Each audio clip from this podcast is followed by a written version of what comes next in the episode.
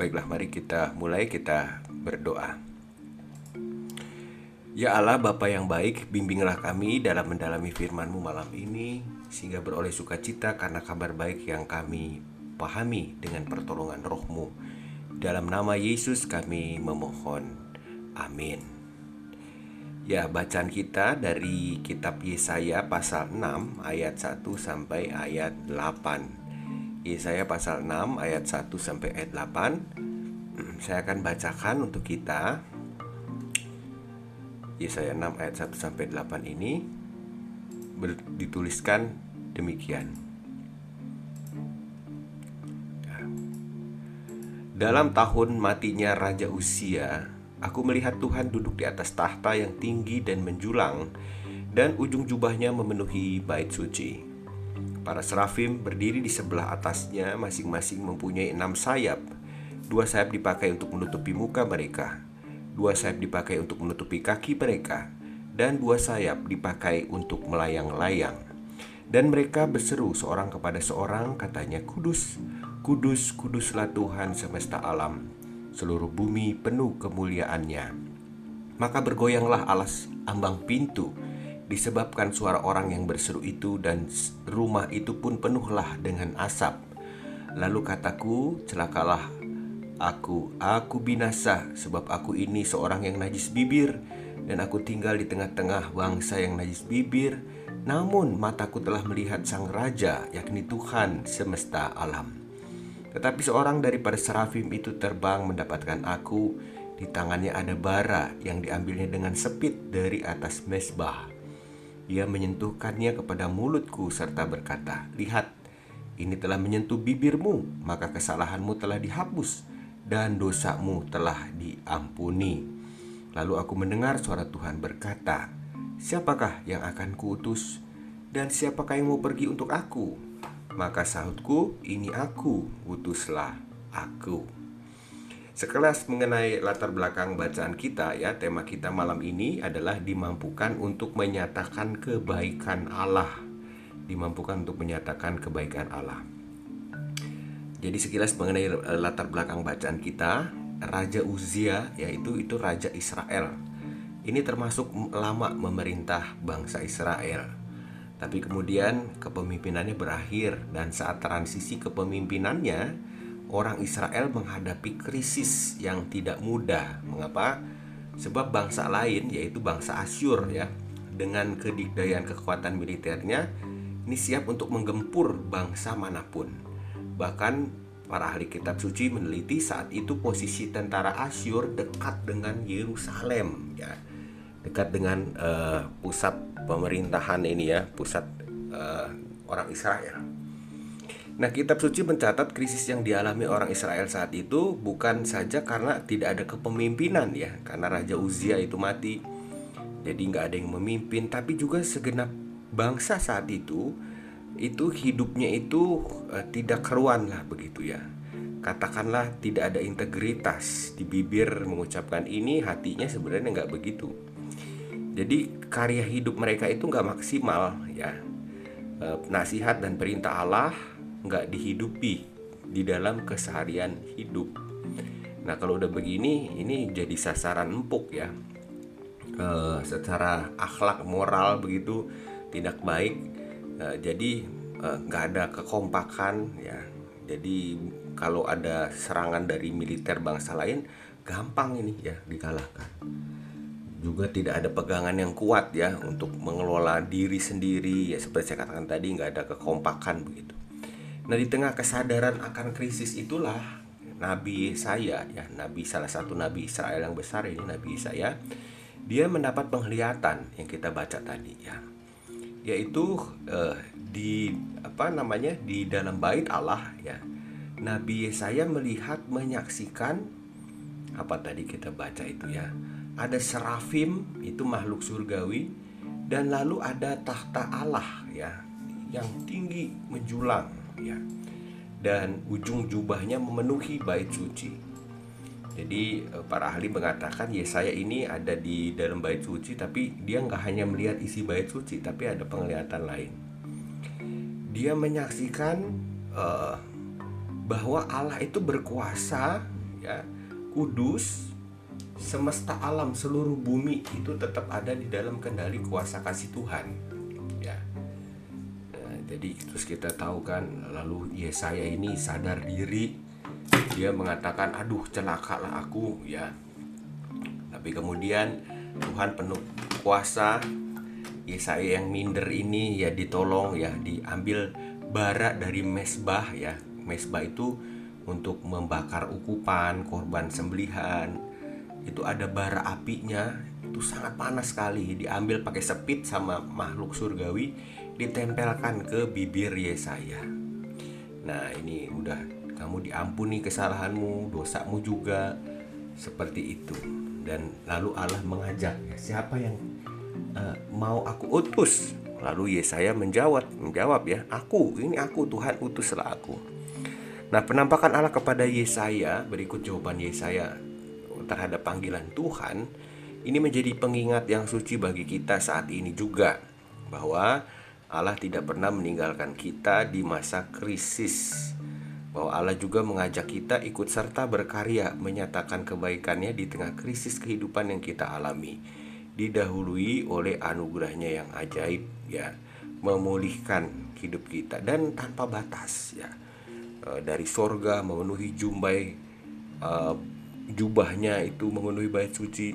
Bahkan kudus kudus kuduslah Tuhan kata makhluk surgawi seluruh bumi jadi walaupun waktu itu jumbai jubah Allah memenuhi bait suci ini seluruh bumi itu penuh dengan kemuliaan Allah Nah, demikian pengantar sing, uh, dari saya ya untuk perikop. Uh, kita akan apa namanya mulai dari pertanyaan pertama ya. Pertanyaan interpretasi. Menurut Anda Allah yang seperti apakah yang terlihat di dalam penglihatan Yesaya ya. Saya bacakan dulu di grup WA itu kalau yang mungkin belum baca ya. E, Ibu Dinja mengatakan Allah yang kudus Kuduslah Tuhan, penuh kemuliaan. Jadi Allah yang Maha Kudus, kata Ibu Dince. Lalu Ibu Yanti mengatakan Allah yang kudus, Allah yang penuh kasih karunia, Allah yang penuh kemuliaan. Ada tiga kata Ibu Yanti. Lalu yang berikutnya yaitu Ibu Momoy. Uh, Ibu Momoy ini melewati yang nomor satu kayaknya ini ya.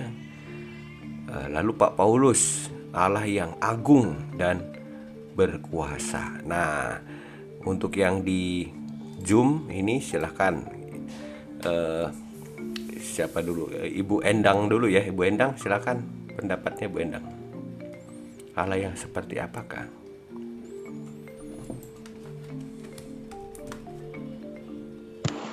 Kalau menurut uh, aku pribadi, uh, menurut aku nih Pak uh, Allah itu Maha Pengampun karena dengan dengan caranya dia mem, apa ya menempelkan bara ya tadi ya kalau nggak salah uh, dia telah mengampuni uh, Yesaya. Ya. Kurang kurang lebih seperti itu, Pak. Baik, terima kasih, terima kasih ya. Jadi Ibu Endang menambahkan juga yang tadi jawaban yang lain sudah di WA Endang ada lagi selain kudus agung maha kuasa Allah juga mengampuni pengampun, mengampuni kesalahan Yesaya. Terima kasih. Yang berikutnya Ibu Yulin, silakan Bu Yulin pendapatnya. Ya, uh, selamat malam semuanya. Selamat uh, malam. Uh, di ayat 1 sampai 4 uh, saya enggak nggak mendapatkan banyak gambaran mengenai Allah di matanya Yesaya. Uh, cuma ada Allah itu yang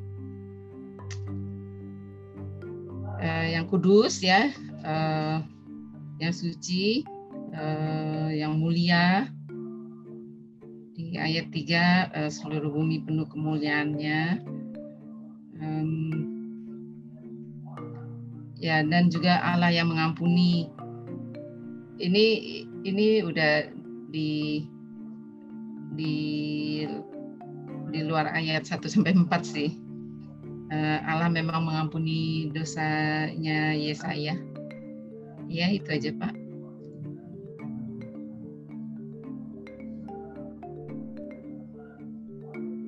Baik, terima kasih Bu Yulin ya, betul ya. Jadi Bu Yulin di ayat 1 sampai 4 melihat yang seperti itu. Terima kasih. Pak Bambang, hadir nih Pak Bambang nih. Pak Bambang mau berbagi silakan Pak Bambang.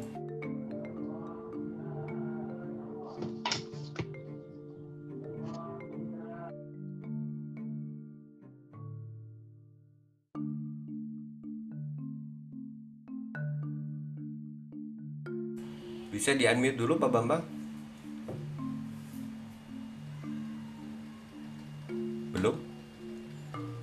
Pak Juni kalau gitu Pak Juni dulu. Pak Juni silakan mau ber- berbagi.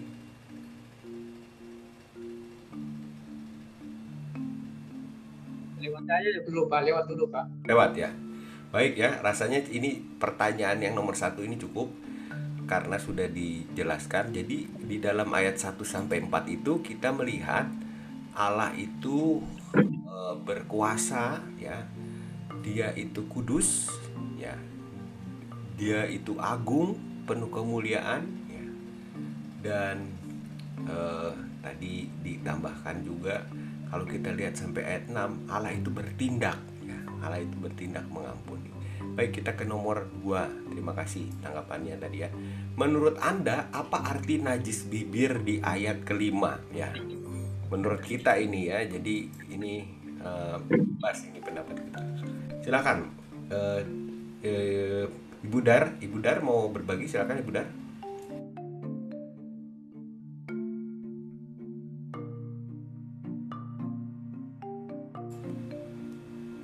Belum ya Nah, Belum saya ya.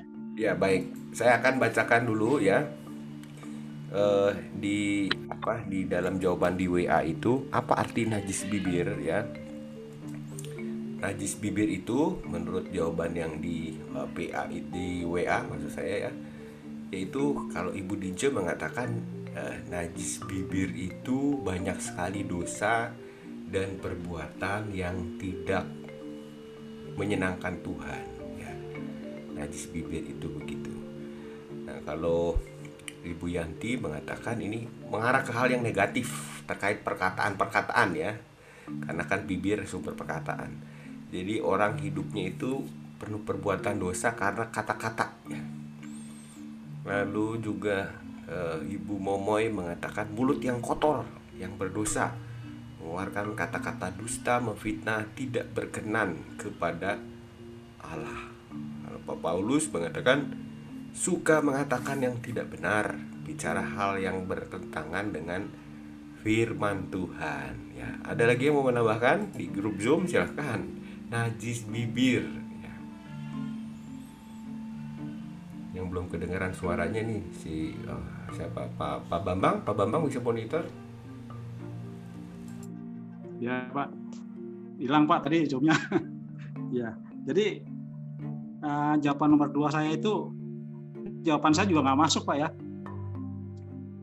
Eh, jadi kalau saya lihat di hmm, Alkitab bahasa Indonesia sehari-hari itu, situ di- diterjemahkan mulut kotor karena dosa Pak.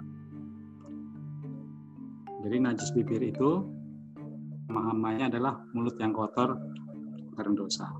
Makasih Pak. Terima kasih, terima kasih Pak Bambang ya. Jadi jelas ya. Nah ini sekedar informasi di dalam bahan yang saya tulis di WA itu ada link ya link terjemahan baru Alkitab dan juga terjemahan bahasa Indonesia masa kini atau bahasa Indonesia sehari-hari. Dan di ayat 5 itu Pak Bambang tadi sudah ungkap najis bibir itu mulut yang kotor ya karena dosa begitu ya Pak Bambang ya. Jadi eh, apa namanya najis bibir itu seperti begitu ya. kata-kata yang tidak terkendali ya mulut yang kotor karena dosa. Jelas ya. Ada lagi yang mau menambahkan najis bibir?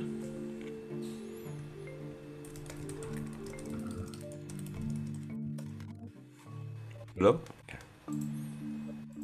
Sudah cukup jelas. Kita bisa berlanjut ya ke yang berikut ya. Baik, kita pertanyaan nomor 3. Pertanyaan interpretasi nomor 3 ialah Menurut Anda, mengapa Yesaya beranggapan bahwa bibirnya yang najis dan juga saudara-saudara sebangsanya yang najis bibir akan mendapatkan celaka dari Allah? Ya di ayat 5 saya ulangi lagi begini. Celakalah aku ya kata Yesaya, aku binasa. Aku seorang yang najis bibir, aku tinggal di tengah-tengah bangsa yang najis bibir, namun mataku telah melihat sang raja. Ya kan Tuhan semesta alam. Kenapa kok Yesaya tuh mengatakan uh, dia akan celaka? Padahal kan Tuhan belum mau mencelakakan dia. Ya silakan. Ibu Yulin dulu mungkin Ibu Yulin silakan Ibu Yulin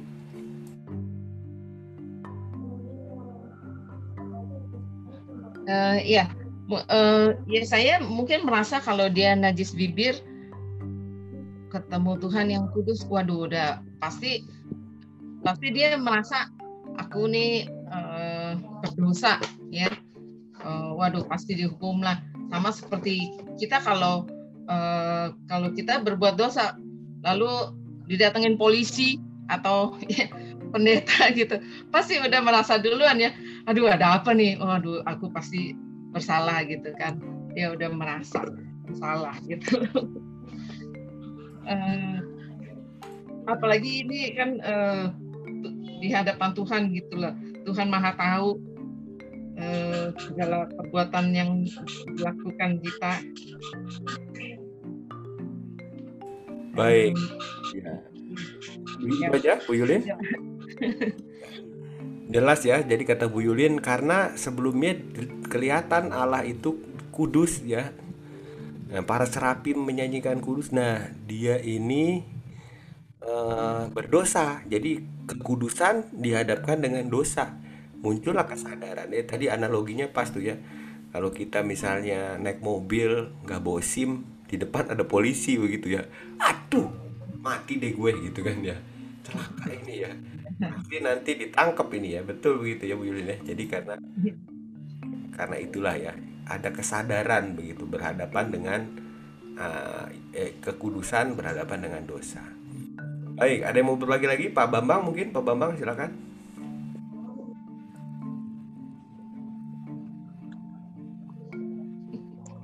Halo, kedengaran Pak ya? Kedengaran Pak, kedengaran Pak. Uh, pada saat itu kan ya saya menyadari bahwa dia itu najis bibir dan juga tinggal di antara saudara-saudara sebangsa yang juga najis bibir. Sedangkan uh, Allah adalah Allah yang Maha Kudus. Oleh karena itu uh, ya saya merasa tidak layak di hadapan Allah dan dan ada firman yang mengatakan kuduslah kamu karena Allah kudus. Jadi di situ rasa uh, takut dia saya karena dia sendiri tidak kudus, dia merasa tidak kudus, pasti mungkin dia pikir Tuhan akan menghukum dia gitu, dan bangsanya. Karena kan samping ketidakkudusannya itu kan sebetulnya bentuk-bentuknya itu kan juga uh, penyembahan berhala dan lain sebagainya yang, sangat tidak disukai oleh Tuhan. Gitu Pak, terima kasih Pak. Terima kasih Pak Bambang ya, makin melengkapi itu. Jadi keadaannya itu bukan saja Yesaya itu merasa bersalah ya, dia dia, dia sadar diri, tapi bangsanya juga ya kata Pak Bambang. Bangsanya itu uh, sudah melakukan dosa seperti itu ya. Baik, ada yang mau memberi tambahan Pak Paulus mungkin?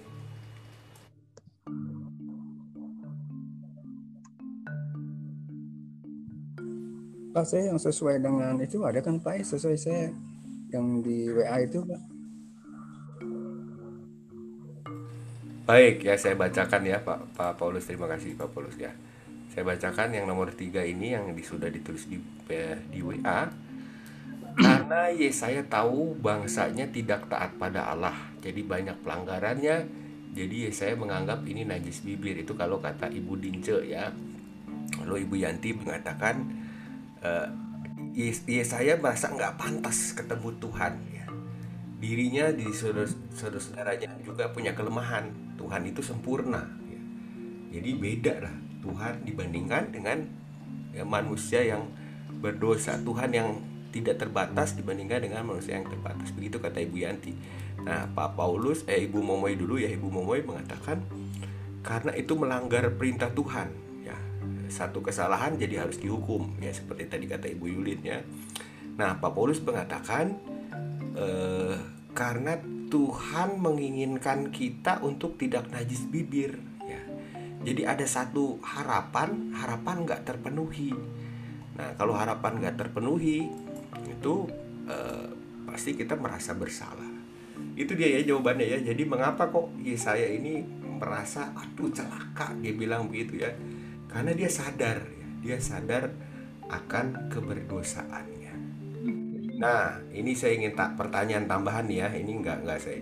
Kalau kita ingin diskusikan nih, ini kata-kata apa pen- pendapat Yesaya ini ya yang mengatakan celaka aku itu bagus apa jelek ya silakan mungkin Bu Endang dulu kesadaran ini bagus apa jelek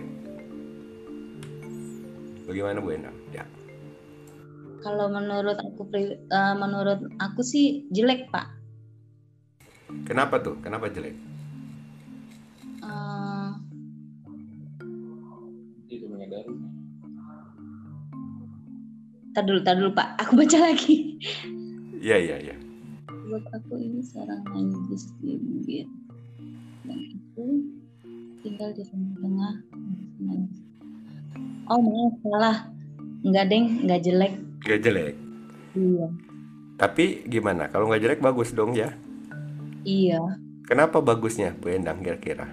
Nah, akhirnya dia menyadari, menyadari bahwa ternyata dia tuh eh, selama ini eh, apa ya menj- eh, menjadi salah satu seorang yang najis bibir. Mungkin seperti itu kali ya pak.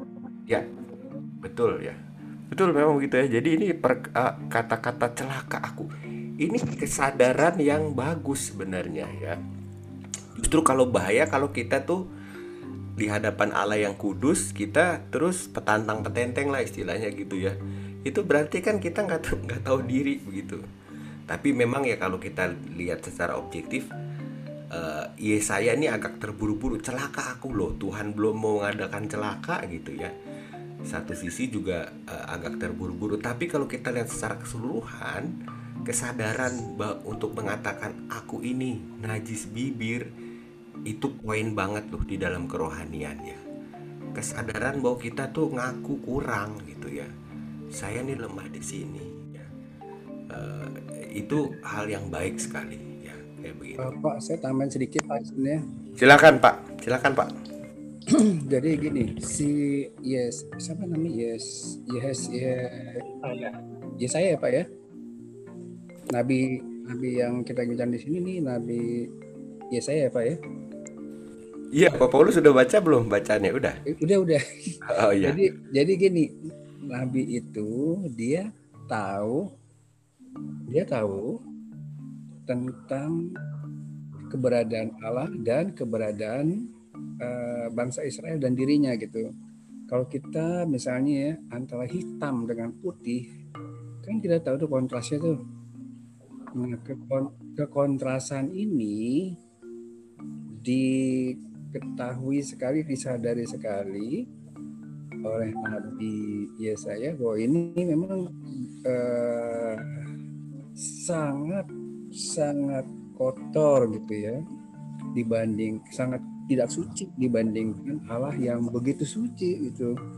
Justru kan kalau lihat perbedaannya itu sangat kontras tentu timbul satu apa kekagetan gitu. Woi, berarti saya berbeda banget nih dengan Tuhan gitu waktu dia lihat tuh kudus-kudusan itu. Keadaan Allah yang mana malaikat itu apa eh, pada menyatakan keberadaan Allah itu. Nah, maksud saya di sini kesadaran bahwa betapa kotornya bangsa Israel dan dirinya itu justru sangat bagus gitu. Karena kesadaran seperti ini tidak semua orang bisa eh, merasakan bahwa antara kita manusia dengan Tuhan itu sebenarnya beda jauh banget gitu ya. Sehingga kita adalah manusia yang benar seperti debu yang kotor yang tidak berharga bahkan memang eh, tidak layak untuk hidup sama sekali. Terima kasih pak. Ya, sih. Ya silakan Pak Juni makasih Pak Paulus silakan Pak Juni Ya, so- teman-teman semua sih sudah bagus semua ya. Memang itu benar bahwa ya, saya merasa bersalah atau merasa merasa tidak layak untuk bertemu dengan Tuhan. Nah, ini di pembacaan di, pembacaan kita ini kan ya saya bertemu dengan Tuhan Allah ya. ya bertemu dengan Tuhan Raja alam semesta. Nah ini sebenarnya tuh sudah ada dalam uh, perjanjian lama. Jadi kepercayaan ya yang dipegang oleh perjanjian lama bahwa itu manusia kalau manusia bertemu manusia biasa manusia bertemu dengan Allah mungkin bagaimana Allah memperkenalkan dirinya juga kepada Musa bagaimana jadi hanya Musa hanya melihat Allah tidak bisa melihat begitu muka Allah. Jadi kan ada anggapan dulu kalau bertemu dengan Allah pasti mati, Pak. Ya. Ya, mesti mati. Jadi bangsa Israel juga dalam perjalanan mereka itu mereka tidak menah, mereka tidak bisa sanggup menatap Allah sehingga mereka tidak mau melihat Allah ya. Juga pada azab pada saat Zakaria juga pada waktu nabi nabi juga Zakaria itu juga kan waktu dia berdoa di di eh, di bait Allah itu kan kakinya diikat ya apa maksudnya apa itu supaya nanti kalau ketemu Allah kalau ada apa-apa kalau ketemu ada apa-apa bisa ditarik ya. Jadi bahwa itu ada anggapan dulu bahwa di perjanjian lama itu kalau ketemu dengan Allah orang yang ketemu dengan Allah itu pasti meninggal pasti mati. Tidak bisa bisa melihat kemuliaan Allah. Nah itu sebenarnya itu makanya Yesaya mengatakan celakalah aku lama ya sehingga dia ketemu dalam hal ini karena dalam cerita dalam pembacaan kita kan ya saya ketemu dengan Allah. Ya kan? Nah jadi ya saya menyadari dirinya itu tidak lain pasti dia mati karena mereka punya anggapan begitu bertemu dengan Tuhan Allah itu pasti mati mereka pak. Nggak nggak bisa gini nah itulah sebenarnya makanya tadi kalau kita baca dalam ini makanya terus orang serafim memberikan ini kepada bara api kepada untuk membersihkan dosa menguatkan supaya saya tidak mati Mungkin itu hanya tambahan aja Pak. Terima kasih kalau memang bisa diterima. Terima kasih. Terima kasih Pak Juni. Ya, betul ya. Jadi Pak Juni menyinggung sedikit tradisi di bait suci ya. Betul sekali. Jadi imam ya biasanya imam terpilih itu masuk untuk membawa doa-doa syafaat umat ya di hadapan Allah, di hadapan tabut dan menurut tradisi itu kakinya diikat supaya ketika dia mati mayatnya bisa ditarik begitu ya sebab kalau misalnya nggak ada talinya yang yang ngambilnya juga ikut mati begitu. Jadi sebegitu apa ya tegasnya ya eh, keseriusan mereka bahwa kalau mereka datang ke hadapan Tuhan itu Tuhan itu kudus dan eh, orang yang berdosa itu nggak bisa main-main di hadapan Tuhan. Ya, betul. Nah karena kesadaran itulah maka kita memahami Yesaya bilang celaka aku takut ya Nah, ibu bapak mungkin tahu kisah Petrus yang dipanggil oleh Tuhan Yesus jadi murid-murid ya. Ketika itu mujizat tangkapan ikan yang banyak, Petrus kan juga sama ya, pergi. Ya, aku ini orang berdosa. Petrus tahu tuh Yesus itu pasti kudus ya.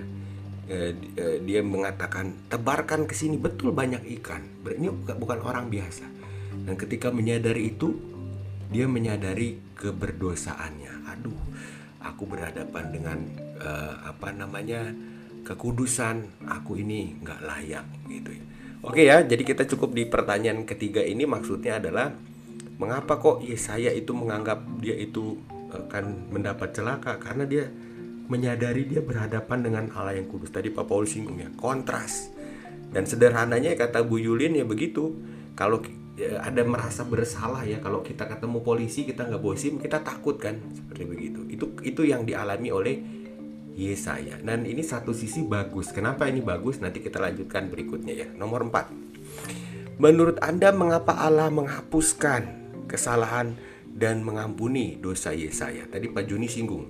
Lalu serafim ya makhluk surgawi malaikat lah katakan mengambil bara. Baranya sangat panas bahkan serapim aja pakai sepit ya. Diambil sepit itu ya jepitan lalu disentuhkan di bibir Yesaya dan dikatakan ini sudah menyentuh. Ya dari mesbah suci menyentuh bibirmu kesalahan kamu diampuni ya. E, dosamu diampuni sekarang kamu ini udah e, dapat pengampunan Allah. Nah pertanyaannya kenapa kok Allah menghapuskan kesalahan dan mengampuni dosa Yesaya ayat 7 Silakan ya. Siapa dulu? Bu Yulin dulu deh, Bu Yulin. Silakan Bu Yulin.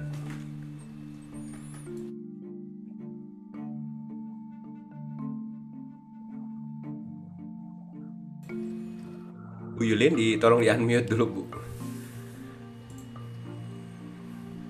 Ah ya, sorry lupa. Ya, ayo. Eh, iya, kalau ditanya kenapa, ini kan rencana Tuhan, jadi hanya Tuhan yang tahu sebenarnya. Iya iya betul. Nah menurut ibu deh, menurut ibu kenapa sih Allah menghapus? Ya, ini ini jadi reka-reka saya aja ya.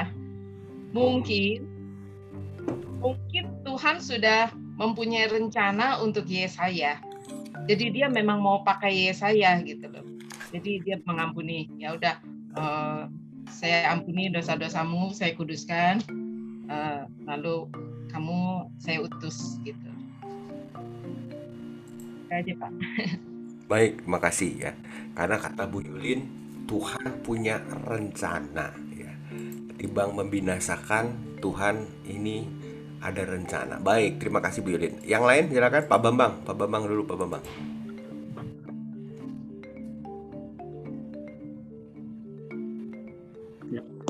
Ah, saya karena ya saya itu ah, akan mengemban tugas sebagai utusan dan nabi dari yang maha kudus. Nabi Allah dari nabi dari Allah yang maha kudus itu harus harus kudus. Dan sedangkan pada saat itu kan ya saya dalam kondisi yang tidak kudus. Oleh karena itu Allah menguduskan dulu karena di dalam ayat berikutnya kan dikatakan bahwa setelah disentuhi disentuh dengan bara itu Serafim bilang "Eh, kesalahanmu sudah diampuni dan dosamu sudah dihapuskan. Gitu Pak. Terima kasih Pak Bambang ya. Jadi ada ada kekudusan Allah yang memberikan pengampunan. Nah, saya bacakan dulu yang dari di grup WA ya. Yang pertama itu dari Ibu Dince. Kenapa kok Allah mengampuni? Karena karena Allah sudah menyentuhkan bara pada mulut Yesaya. Ya, rasanya belum menjawab sih ya, tapi ini memang tindakan inilah yang menunjukkan pengampunan ya. Lalu Ibu Yanti mengatakan di ayat 4 di nomor 4 karena Yesaya mau merendahkan dirinya di hadapan Allah. Yesaya mengakui akan segala kelemahan dan kekurangan yang ada pada dirinya. Merespon Yesaya, Allah kemudian mengampuni dosa dan melayakkan dirinya. Ya, iya juga ya betul ya. Kalau Yesaya mungkin tinggi hati, Allah akan hukum ya. Tapi karena Yesaya mau merendah ngaku gitu ya, ya saya salah maka diampuni. Lalu eh, Bu Momoy di ayat eh, di interpretasi nomor 4 ini Yesaya sadar dan mengakui dosanya karena tahu itu sebuah pelanggaran yang dilakukan. Jadi itu dasarnya kenapa Allah mengampuni. Dan juga Allah mau menyiapkan Yesaya sebagai seorang nabi. Nah, seperti kata Pak Bambang tadi nih.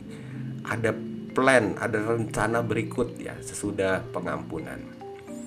Pak Paulus mengatakan karena Tuhan Maha Pengasih tidak ingkar janjinya berkat berkat yang dijanjikan kepada Israel ya. Allah Saya itu tambahin sedikit Pak Esen. boleh boleh silakan Pak. Jadi gini, saya lihat bahwa Yesaya ini punya pengertian yang benar tentang tentang Allahnya yang begitu kudus, juga pengertian yang benar tentang dirinya yang begitu kotor, begitu najis. Nah, pengertian kesadaran seperti ini itu memang sangat dihargai oleh Tuhan.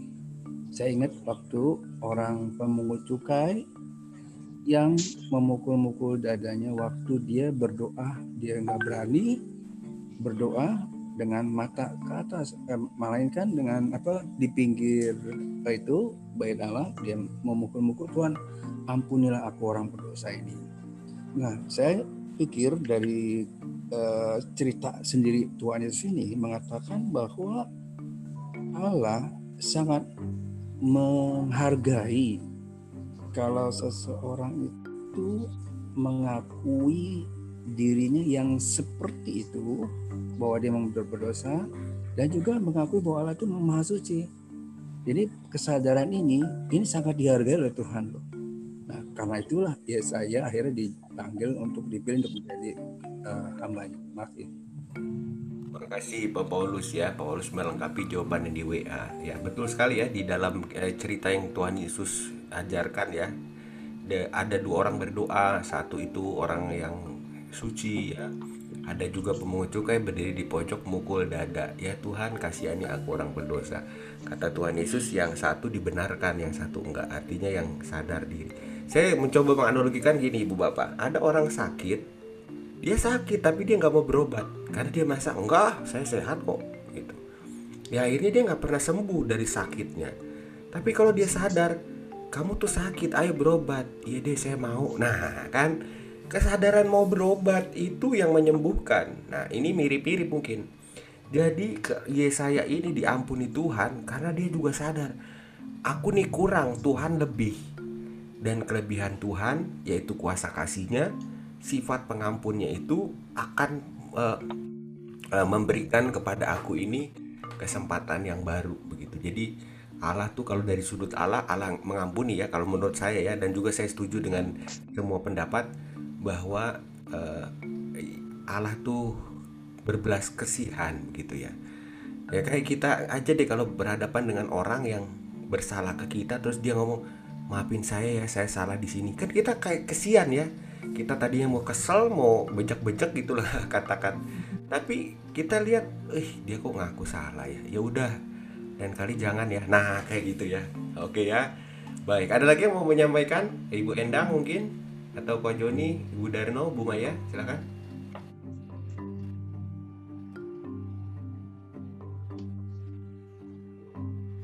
Tidak ada ya, kita bisa ke nomor 4 ya. Ya, jadi kita eh, eh, cukup memahami alasannya kenapa Allah mengampuni.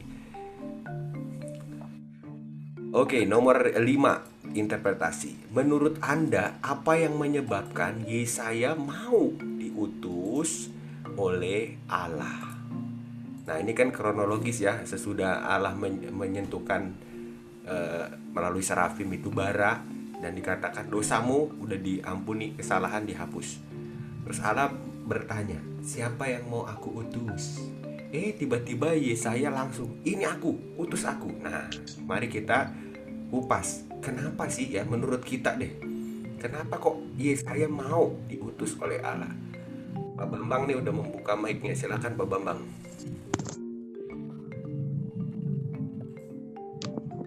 uh, di atas sudah disampaikan tadi. Karena Yesaya sudah menyadari bahwa bangsa Israel saat itu uh, hidup menyimpang dari kehendak Allah. Mereka meninggalkan Allah yang telah membawa mereka keluar dari tanah Mesir itu, kemudian menyembah berhala, itu sebagai bangsa yang najis bibir dan lain-lainnya. Maka untuk itulah ya saya bersedia menjadi utusan Allah sebagai pembawa berita dari Tuhan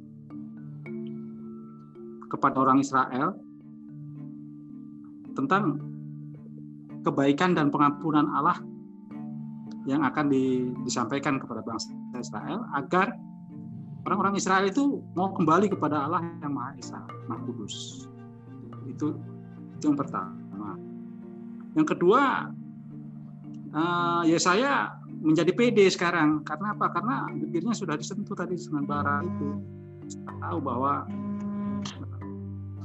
kesalahannya sudah dihapus dan dosa-dosanya sudah diampuni sehingga dia Halo? ketika di Allah menawarkan siapa yang akan aku utus dia pede cukup pede gitu percaya diri karena dia itu dia sekarang sudah juga kudus seperti Nah, sesuai dengan Allah yang kudus. Gitu Pak. Terima kasih Pak.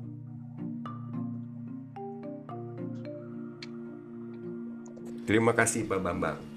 Jadi setelah ibarat kata disembuhkan, dipulihkan, ya bersyukur ya, dan dia juga mau ya eh, menjadi kepanjangan tangan Tuhan untuk bangsanya. Ibu Maya, silakan Ibu Maya udah. Ya.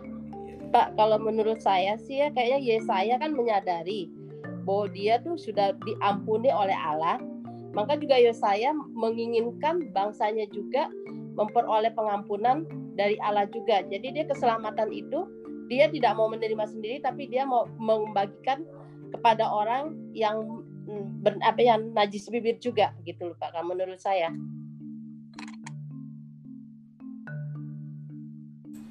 Terima kasih Bu, Bu Maya ya. Jadi eh, kata Ibu Maya ya dia ini udah dapat kebaikan dia nggak hanya sendiri simpen ya dia ingin orang lain juga ini aku udah diampuni nih yang lain juga harus dapat nih pengampunan ini jadi berbagi kabar baik terima kasih Ibu Maya Ibu Darno Ibu Darno udah buka mic nih Ibu Darno silakan Bu Darno Selamat malam Pak. Saya, saya memperhatikan dari awal Ya. itu memang eh, dia merasa eh, merasa berdosa ya dari najis itu tadi apa najis bibir dan sebagainya itu. Tapi dengan kesalahannya dia yang sangat besar itu merasa bersalah. Tapi Tuhan ada ada ada ada penyesalan ya dan ada pertobatan Tuhan mengampuni dia dengan memberikan bara api dalam lidah eh, bibirnya itu tadi. Nah, dia merasa bahwa Tuhan itu sudah mengampuni segala dosa, yang dosa yang sangat besar bagi dia ya. Nah, dosa. Tuhan sudah mengampuni. Nah, untuk untuk eh, apa ya memberikan ini suatu imbalan pada Tuhan, dia menyerahkan dirinya untuk melaksanakan apa yang diutus oleh Tuhan. Dan dia punya kemauan ingin mengajak eh, orang lain atau bangsanya untuk eh, bertobat juga Tuhan. Itu saya kira itu ya logikanya. Jadi dia ucapan syukur segala dosa-dosanya yang begitu besar menurut dia dan eh, najis bibir dan sebagainya itu telah diampuni oleh Tuhan dengan diberikannya itu apa bara itu dan dia menyerahkan diri untuk siap siap untuk melaksanakan apa yang menjadi kehendak. baik. Terima kasih Bu Darno ya. Jadi Oh, betul atau salah ini? betul Bu. Sama itu Bu dengan apa yang tadi Menurut saya ya. Ibelin juga ya. Wah ungkapan syukur ya. Tuhan udah begitu baik sama saya gitu. Dan ya ini luar biasanya ya makanya ya ini jiwa kenabian ya dia tuh nggak nyimpen kebaikan sendiri ya. Dia berbagi ya. Sebenarnya kita punya kemampuan itu sih. Kalau saya lihat misalnya kita makan bakmi ya ada makan mak- tempat bakmi yang enak gitu. Kita waduh enak banget nih bakmi. Terus kita ketemu teman kita ya yang memang lagi lapar gitu. Kita akan cerita ya itu bakmi saya pernah makan enak loh ya. Ayo di sana coba deh kan kayak gitu. Kita tuh sebenarnya punya kapasitas sebenarnya untuk berbagi kebaikan nggak nyimpen sendiri. Ya saya ini lebih lagi. Ini bukan soal bakmi ini soal pengampunan Allah ya kebaikan Allah dia mau berbagi. Nah saya bacakan sebentar yang di grup WA Ibu Yanti mengatakan eh, ya saya itu mau diutus karena dosanya sudah diampuni. Ya saya bersuka cita sehingga siap diutus oleh Allah ya jadi karena pengampunan juga sama seperti yang kita bahas Ibu Momoy mengatakan Yesaya sudah mengalami kasih dan anugerah pengampunan Allah tentulah harus membagikannya kepada orang lain. Kalau Pak Paulus mengatakan "Eh, karena Yesaya nabi Tuhan yang setia. Ya baik. Ada lagi yang mau ditambahkan? Kita bisa berlanjut ke aplikasi ya. Oke ya. Kita berlanjut ke aplikasi nomor satu aplikasi nomor satu apakah anda pernah menyaksikan kemahakuasaan Allah dalam hidup anda? Ceritakan sedikit. Nah eh, kalau di dalam bacaan kita kan ini kita menyaksikan eh, kesaksian Yesaya begitu ya dituliskan begitu. Pertama sekali dia dipanggil sebagai nabi Tuhan. Dia melihat tuh Allah penuh maha kuasa kudus dan sebagainya. Nah kita sendiri pernah nggak? Silakan berbagi. Mungkin dari siapa dulu nih? Dari eh, Ibu Dar dulu deh. Ibu Dar silakan Bu Dar. Ya, kalau pertanyaannya tadi menurut Anda, berarti menurut saya gitu ya, banyak sekali sih bantuan yang diberikan pada saya. Hmm, banyak saya bisa mengutarakan satu persatu Pak. Yang paling ber- yang paling berkesan ada nggak Bu, Bu Darno Yang paling berkesan Tuhan itu memberi kekuatan pada saya dan pada keluarga saya. Berapa besar pergumulan yang kita hadapi, Tuhan selalu menolong, menyertai dan menguatkan. Baik, pertolongan Allah ya. Jadi kuasa kemahakuasaan Allah melalui pertolongan. Terima kasih Ibu Darno. Nah berikutnya saya akan bacakan dulu yang di grup WA ya. Ini Ibu Dince mengatakan dia melihat kemahakuasaan Allah ketika lupa matikan kompor ada tamu datang. Suami ada di situ ada asap nggak kebakaran. Ini bukan hanya satu kali tapi bisa tiga kali saya lupa ya kata ibu e, Dince ini. Tapi Tuhan tolong tuh. Tuhan tolong e, melalui suaminya ibu Dince ya itu gitu lalu ibu Yanti mengatakan kemakuasaan Allah itu pernah di saat darurat sekali ada pertolongan Tuhan datang aduh maaf sekali Bahkan media yang Tuhan pakai pun bukan yang seiman dengan saya katanya ya, kata Ibu Yanti ini. Ya, jadi nah itu kan nggak diduga-duga ya, eh, nggak seiman tapi ditolong. Lalu Ibu Momoy di aplikasi nomor satu, waktu sebulan saya mau di PHK, anak saya dapat kerjaan. Jadi Tuhan persiapkan ya. Keadaan susah orang mencari pekerjaan. Uh, Pak Paulus ber, berbagi. Oh Pak Paulus nggak berbagi aplikasi nanti mungkin mau berbagi langsung ya. Uh, oke okay, itu dia di, dari grup WA nah silakan. Pak Bambang mungkin mau bersaksi. Pak Bambang udah buka mic silakan mengenai kemahakuasaan Allah itu kita bisa melihat sebetulnya dari banyak peristiwa alam. Nah, saya sini mau ingat ya, ingat dulu Pak Esen pernah pernah hmm, membuat satu acara di gereja menayangkan film ya dulu tentang aborsi sebetulnya tapi saya mau saya katakan di sini bahwa ketika kemahakuasaan Allah itu luar biasa bahwa untuk eh, apa namanya mempertahankan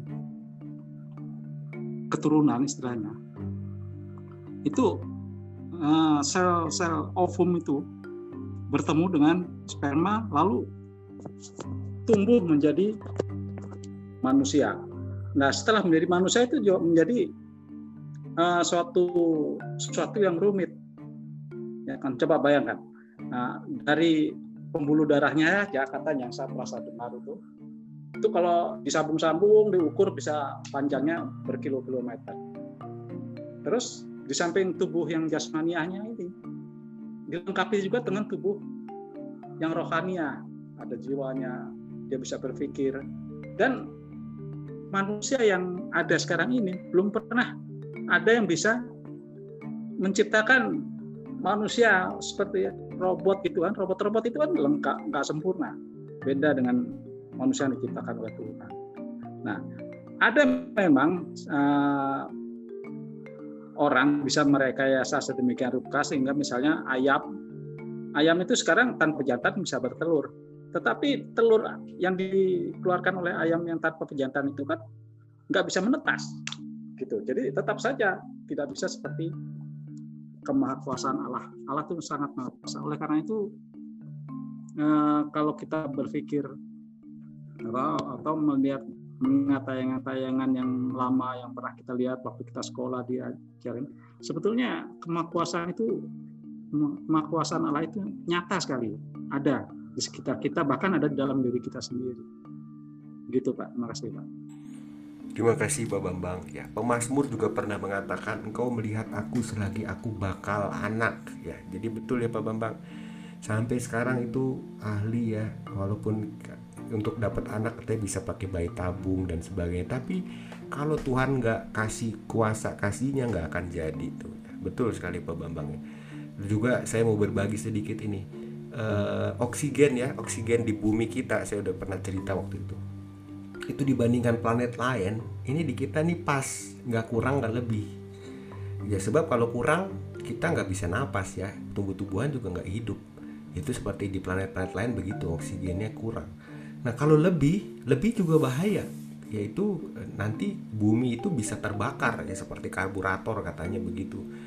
Nah, ini pas berarti itu siapa yang bikin itu? Nah, itu kan kemakuasaan Allah yang nggak bisa di, sampai sekarang belum bisa dijawab gitu ya. Jadi dari diri kita sendiri kata Pak Bambang, juga dari alam semesta ya. Kita kan dulu kata Pak Bambang belajar kita nih nafas kita ngeluarin asam arang ya CO2 ya tumbuhan ngisep CO2 ya kan dan dia mengeluarkan oksigen tuh kan Itu siapa yang bikin kemahakuasaan? Allah seperti itu. Jari kita nih, coba deh kita lihat nih yang lima. Kita goyang-goyangin, kita kepal, kita bisa nulis, bisa genggam. Robot secanggih apa pun nggak bisa selentur kita, seperti Bapak Bambang katakan. Oke, itu salah satu uh, hal yang kita bisa lihat. Terima kasih. Ada lagi yang mau berbagi kemahakuasaan Allah? Nah, ini saya mau kaitkan begini nih. Oh ya, silakan Pak Paulus, silakan Pak Paulus. Ya, mungkin saya memang sengaja nggak di situ ya karena saya mau ngomong. Jadi tadi saya kebetulan lewat sama istri saya itu ke gereja yang pertama kali saya kenal Kristus. saya bilang nih dulu gereja yang awal-awal saya kemari gitu. Jadi eh, setelah saya evaluasi eh, sekarang ini lalu saya bandingkan kalau seandainya saya tidak mengenal Kristus nah itu dia yang menjadi gambaran betapa hebatnya Tuhan Tuhan kita itu gitu ya. Kenapa? Karena eh, banyak sekali mungkin entah sejarah hidup kita juga berubah terus juga eh, pengalaman kita juga berubah ya. Terutama pengalaman saya. Contoh yang konkret mungkin ya yang saya alami sendiri secara pribadi ini misalnya hubungan saya dengan ibu saya gitu ya. Dulu terus terang saya tuh nggak bisa ngomong bermanis-manis dengan ibu saya. Karena ibu saya kan kalau ngomong tuh kasar gitu ya. Dan mungkin tidak tendeng aling-aling gitu. Dan kami waktu masih kecil wah merasakan sekali. Merasakan sekali gitu ya. Nah sekarang ini itu ada perubahan gitu ya. Kenapa ada perubahan? Saya yakin itu kuasa Tuhan yang bekerja dalam diri saya gitu. Itu salah satu ya. Mungkin ada lagi yang lain lain lagi. Jadi saya evaluasi juga bagaimana saya kalau ketemu dengan reuni dengan teman-teman waktu saya kecil gitu ya wah betapa kalau saya nggak kenal Kristus mungkin saya jangan masih seperti itu di mana masih senang dengan hal dosa gitu ya. Senang dengan apa hal-hal yang mungkin secara duniawi itu eh, kelihatannya itu eh, enak gitu. Tapi sekarang saya nggak menganggap itu enak malah itu adalah sebuah eh, racun gitu ya ini justru merubah pola-pola pikir nih pola pikir pola hidup gitu kan. Dan juga sejarah hidup hidup saya saya nggak tahu ya bagaimana kok. Kalau memang dikontraskan kehidupan saya waktu kecil dengan sekarang itu kontrasnya beda sekali gitu ya. Terutama mereka yang kenal saya siapa waktu saya kecil gitu. Mungkin itu. Terima kasih Pak Esen Terima kasih Pak Paulus ya berbagi pengalaman hidup yang nyata yang dialami oleh Pak Paulus. Jadi kata Pak Paulus, bukti Allah berkuasa yaitu kehidupan Pak Paulus yang diubahkan Tuhan ya. Pak Paulus menyaksikan itu. Baik, ada lagi yang mau berbagi? Silakan Ibu Yulin mungkin, Ibu Maya, Ibu Darno, Pak Juni, Bu Endang, silakan. Kemahakuasaan Allah. Bu Maya ya, silakan. Ya, mungkin Pak saya hanya ingin berbagi saja. Ini kejadiannya sudah lama juga ya Pak. Ya. Waktu itu waktu gempa di Nias itu terjadi tahun 2005 ya Pak kalau nggak salah sama gempa di Aceh ya. Iya. Uh, ya itu waktu itu Pak Joni itu ada di Nias Pak. Nah malam-malam uh, waktu saya dibilangin oh ada gempa loh dia kebenaran waktu itu kan di Nias. Saya tak, uh, takut juga gitu loh Pak. Terus saya telepon, kamu di mana? Saya udah sampai di Padang nih, baru sampai di Padang, dia bilang gitu. Saya bilang, kamu dengar nggak? Itu ada gempa loh, ada di Nias. Terus semua udah hancur. Saya bilang gitu. Hah? Kaget juga dia Pak. Saya sok juga di Jakarta gitu loh. Dia kebenaran ada kebenaran ada di Nias. Maka saya bilang, saya kejar saya telepon dia, dia ada di Nias, terus dia di ini. Waduh, Tuhan sungguh baik banget ya, saya bilang itu. Ini suatu kuasa Tuhan yang luar biasa gitu loh. Pas dia baru sampai di Padang, itu terjadi gempa gitu loh Pak. Maka saya bilang, aduh Tuhan masih melindungi, saya bilang gitu. Kalau itu terjadi di dunia, saya nggak tahu lagi bagaimana nasib kamu di sana. Saya bilang, saya juga carinya gimana gitu loh. Saya, saya di situ saya sadar, waduh Tuhan kok begitu baik bagi saya dan bagi Pak Joni gitu loh Pak. Sehingga terhindar dari gempa itu gitu loh. Maka itu suatu hal yang luar biasa yang saya alami. Begitu baiknya Tuhan dalam keluarga saya. Hanya itu aja Pak pengalaman yang ingin saya bagikan. Terima kasih Bu Maya. Mulai dari diri sendiri, alam, perubahan hidup, pertolongan ya. Ibu Maya menyaksikan pertolongan Tuhan itu yang menunjukkan kemahakuasaan. Ada lagi yang lain? Nah, ini saya ingin berbagi sedikit ya. Nah, Yesaya itu kan menyaksikan kemahakuasaan Allah melalui penglihatan di bait suci waktu orang Israel nggak ada raja dan orang Asyur mau nyerang gitu ya. Ini jadi di tengah krisis.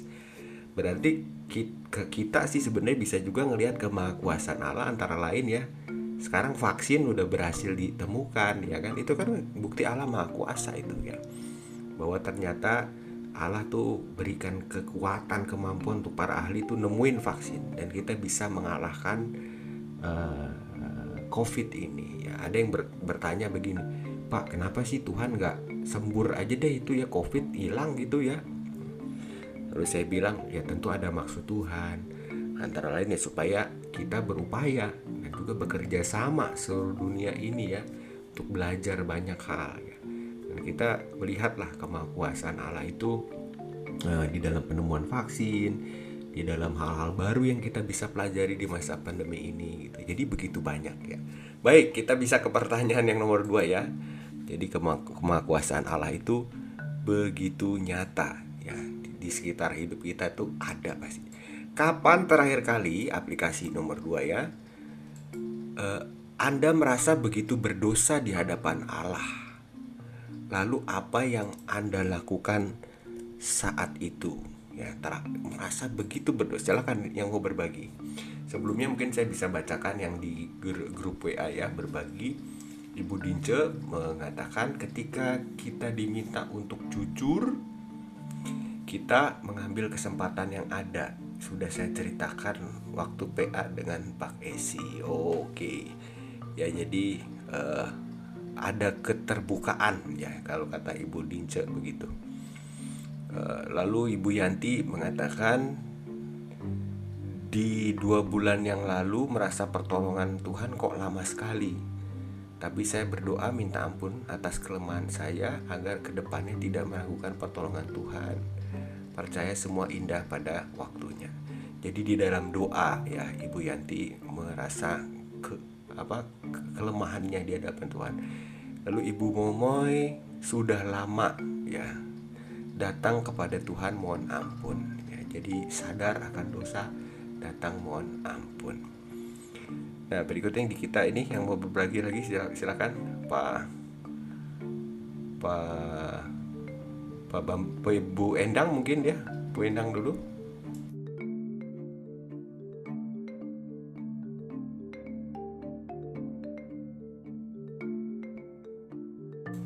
Endang belum ya Pak Juni mungkin Pak Juni Kapan terakhir kali merasa Begitu berdosa di hadapan Allah Pak Juni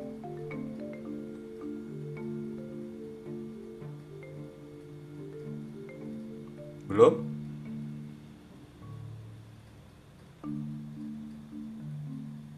Oke, belum ada yang mau berbagi nih.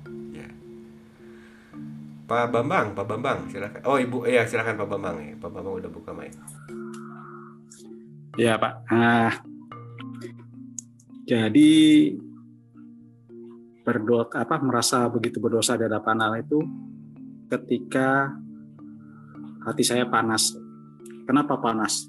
Karena ya dalam usia saya yang sudah 70 tahun ini sekarang kan banyak pengalaman ya melewati zaman-zaman pada suatu ketika saya pernah mengalami mendengar berita bahwa ada gereja yang dibakar, orang Kristen dianiaya. Saya marah sekali, marah. Saya berpikir, kenapa sih Tuhan tidak bertindak gitu? Dulu di zamannya Lot, Tuhan bisa tuh jadikan Sodom dan Gomorrah tunggang langgang gitu kan. Kenapa sekarang tidak dibuat seperti itu? Gitu ya. Jadi seolah-olah saya itu lebih lebih pintar dari Allah. Lebih tahu dari Allah. Udah sikat aja kan Allah maha kuasa kalau nggak takut semuanya karena ya satu-satu lah dipilih gitu kan nah, tapi kemudian eh, ketika tenang saya sadar oh iya ya saya ini kan cuma manusia saya cuma manusia dan lagi ada firman Tuhan di dalam uh, surat Roma pasal 12 tuh ayat berapa ya 20 atau berapa gitu yang mengatakan janganlah kamu membalas kejahatan dengan kejahatan tetapi kalahkanlah kejahatan dengan kebaikan. Cuk. Setelah ingat hal-hal seperti itu, saya eh, apa namanya sadar, wah saya ini cuma manusia kok. Allah itu yang maha tahu, dia maha bijaksana, pasti ada sesuatu. Bahkan Tuhan Yesus sendiri ketika itu membuat satu perumpamaan tentang lalang dan gandum. Ya, ada saatnya nanti lalang dan gandum itu dipisahkan. Gitu. Nah, setelah tenang menyadari bahwa saya berharap Tuhan uh, melakukan hal-hal yang saya apa saya inginkan itu, tetapi keinginan atau harapan saya itu tidak sejalan dengan firman Tuhan, saya mengaku pada Tuhan, saya berdosa Tuhan. Saya mohon ampun kepada Tuhan. Begitu Pak, terima kasih Pak. Terima kasih Pak Bambang ya. Jadi ayat itu di Roma 12 ayat 21. Salah satu yang saya hafal. Ayat 21 ya. Ya. Karena 12 21 gitu ya gampang ininya. Iya. Janganlah kamu kalah terhadap kejahatan, kalahkanlah kejahatan dengan kebaikan kata Rasul Paulus. Bagus nih Pak Bambang ya. Kadang-kadang saya juga begitu. Ketika kita merasa kita, eh, apa ya? kita Tuhan gitu ya mestinya kan Tuhan gini gini nah itu kita sadar diri ya eh kita ini bukan Tuhan ya bagian kita itu hanyalah terus uh, menunjukkan kasih Tuhan terima kasih Pak Bambang ya nah uh, sebelum kita berlanjut ke nomor 2 saya ingin berbagi begini.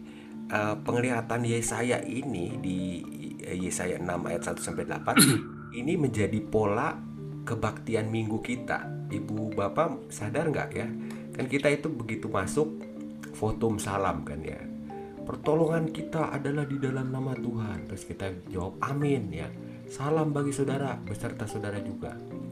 Lalu kita uh, apa memuji nyanyian syukur ya kebesaran Tuhan tapi habis itu kan kita pengakuan dosa ya kan pengakuan dosa berhadapan dengan Allah yang suci yang yang kudus kita ngaku dosa tuh di kebaktian minggu ya Lalu setelah ngaku dosa, berita anugerah kan? Kita berdiri ya. Berdiri, kita menerima demikian berita anugerah dari Tuhan. Syukur kepada Allah. Lalu sudah menerima berita anugerah itu, baru uh, khotbah ya kan? Firman diberitakan. Artinya Tuhan tuh ya kayak kalau Yesaya ini kan men, ya, ditanyakan Tuhan, siapa yang mau aku utus?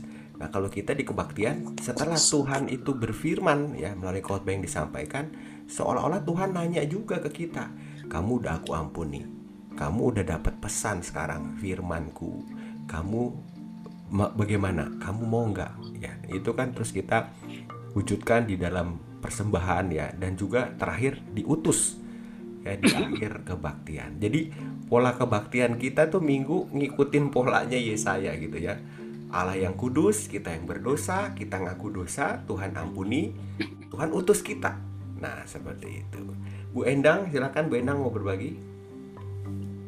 Iya, Passion ini Endang uh, mau bertanya uh, waktu pertama kali uh, Endang mengikuti Yesus menjadi mualaf, kan almarhum mama pada saat itu belum tahu ya.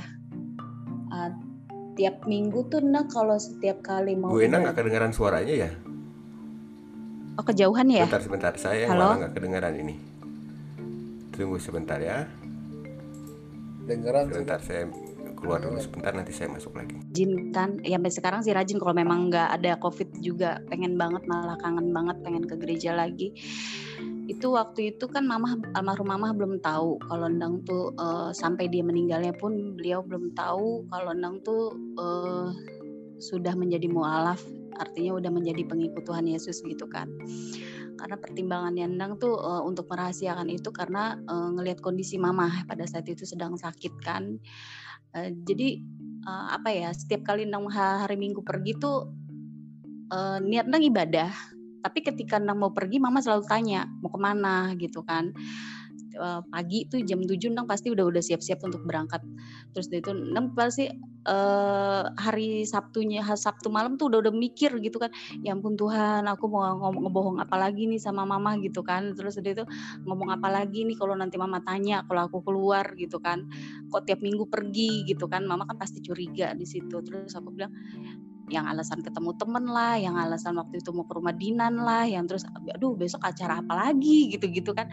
Nah ketika di jalan tuh di di uh, menuju stasiun gitu nang sempet nangis sih nangis nangis dan berdoa ya ampun mama maafin nang nang harus berbohong gitu kan.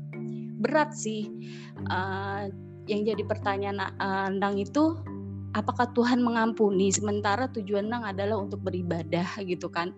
Tapi kok udah diniatin uh, niatnya tuh bukan niat ya maksudnya kok neng pas izinnya itu kok udah ngebohongin mama gitu loh. Sementara di sisi lain kita berbohong aja dosa gitu kan. Jadi itu yang menjadi berat banget sebenarnya untuk neng. Tapi neng selalu berharap Tuhan maafin aku maafin aku. Ini bukan niat aku gitu loh. Memang nggak ada yang yang namanya bohong untuk kebaikan tuh nggak ada. Tapi gimana ya Pak Pendeta? Itu yang yang jadi yang jadi uh, selama ini tuh uh, jadi bukan beban sih sebenarnya. Jadi ganjelan untuk Nang sampai Nang juga sharing sama Dinan gitu kan pada saat itu. Udah bener nggak sih yang aku lakuin untuk saat ini gitu kan? Karena kalau aku ngomong itu berdampak juga sama kesehatan mama. Tapi kalau aku nggak ngomong aku bingung. Terus kalau aku nggak ibadah kayaknya aku sedih gitu loh. Jadi serba salah lah gitu loh pendeta pada saat itu gitu loh. Jadi ketika nang sampai di gereja nang nggak nggak nggak pernah yang namanya tuh nggak nangis nggak pernah. Karena ya itu tadi awalnya nang pergi dari rumah udah ngebohongin mama. Sebenarnya berat banget sih untuk nang sampai uh, beliau meninggal tuh meninggal pun kayaknya nggak kata maaf nggak cukup deh. Itu aja sih Pak Pendeta. Kasih. Terima kasih Bu Endang ya. Bu Endang menyaksikan ini kondisi yang berat ini ya. Kalau saya ada di posisi Bu Endang juga saya pasti akan bergumul juga. Satu sisi ada kerinduan untuk berbakti ya datang dengar firman Tuhan tapi itu harus dilakukan dengan me, apa tidak jujur begitu kepada ibu sendiri. Nah sebelum saya menanggapi mungkin dari kita ada yang menanggapi dulu dari mungkin dari posisi perempuan nih. Bu Yulin gimana Bu? Mau memberi tanggapan Bu Yulin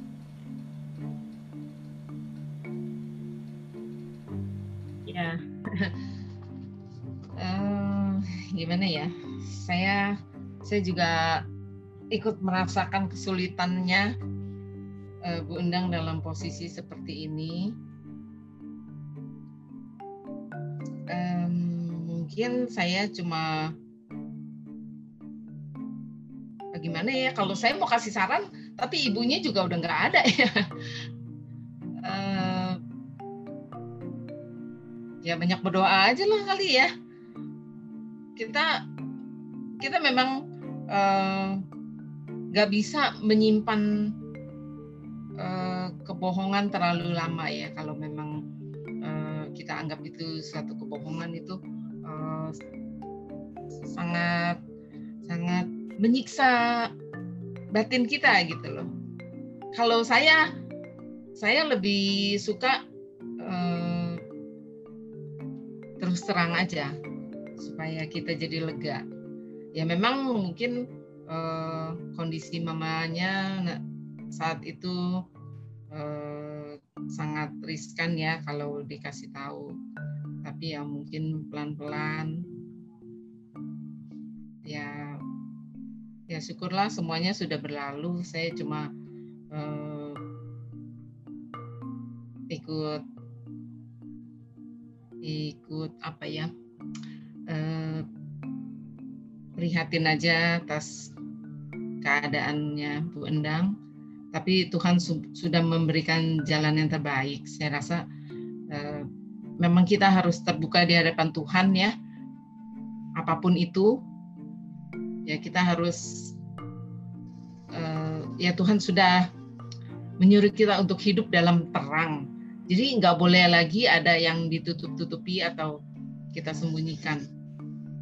Jadi di hadapan Tuhan kita memang harus apa adanya gitu. Itu aja Pak. Terima kasih. Pak Esen. Ya. Saya boleh tambahkan ya. Boleh, boleh silakan Pak. saya lihat begini bahwa uh, kasihilah apa Tuhan Allahmu gitu kan uh, juga kasihilah sesama manusia dalam hal ini kan ibu ibunya ibu Endang ya jadi kalau saya lihat ibu Endang ini justru mengasihi dua-duanya pak artinya dia mengasihi juga ibunya juga mengasihi Allah gitu ya.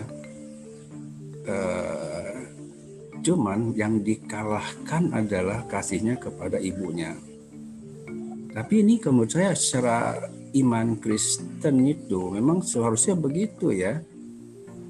Kalau dipertentangkan uh, besarnya kasih kita kepada Allah dan besarnya kita kepada orang tua, itu memang kasih kepada itu harus lebih tinggi daripada kasih kita kepada orang tua kita.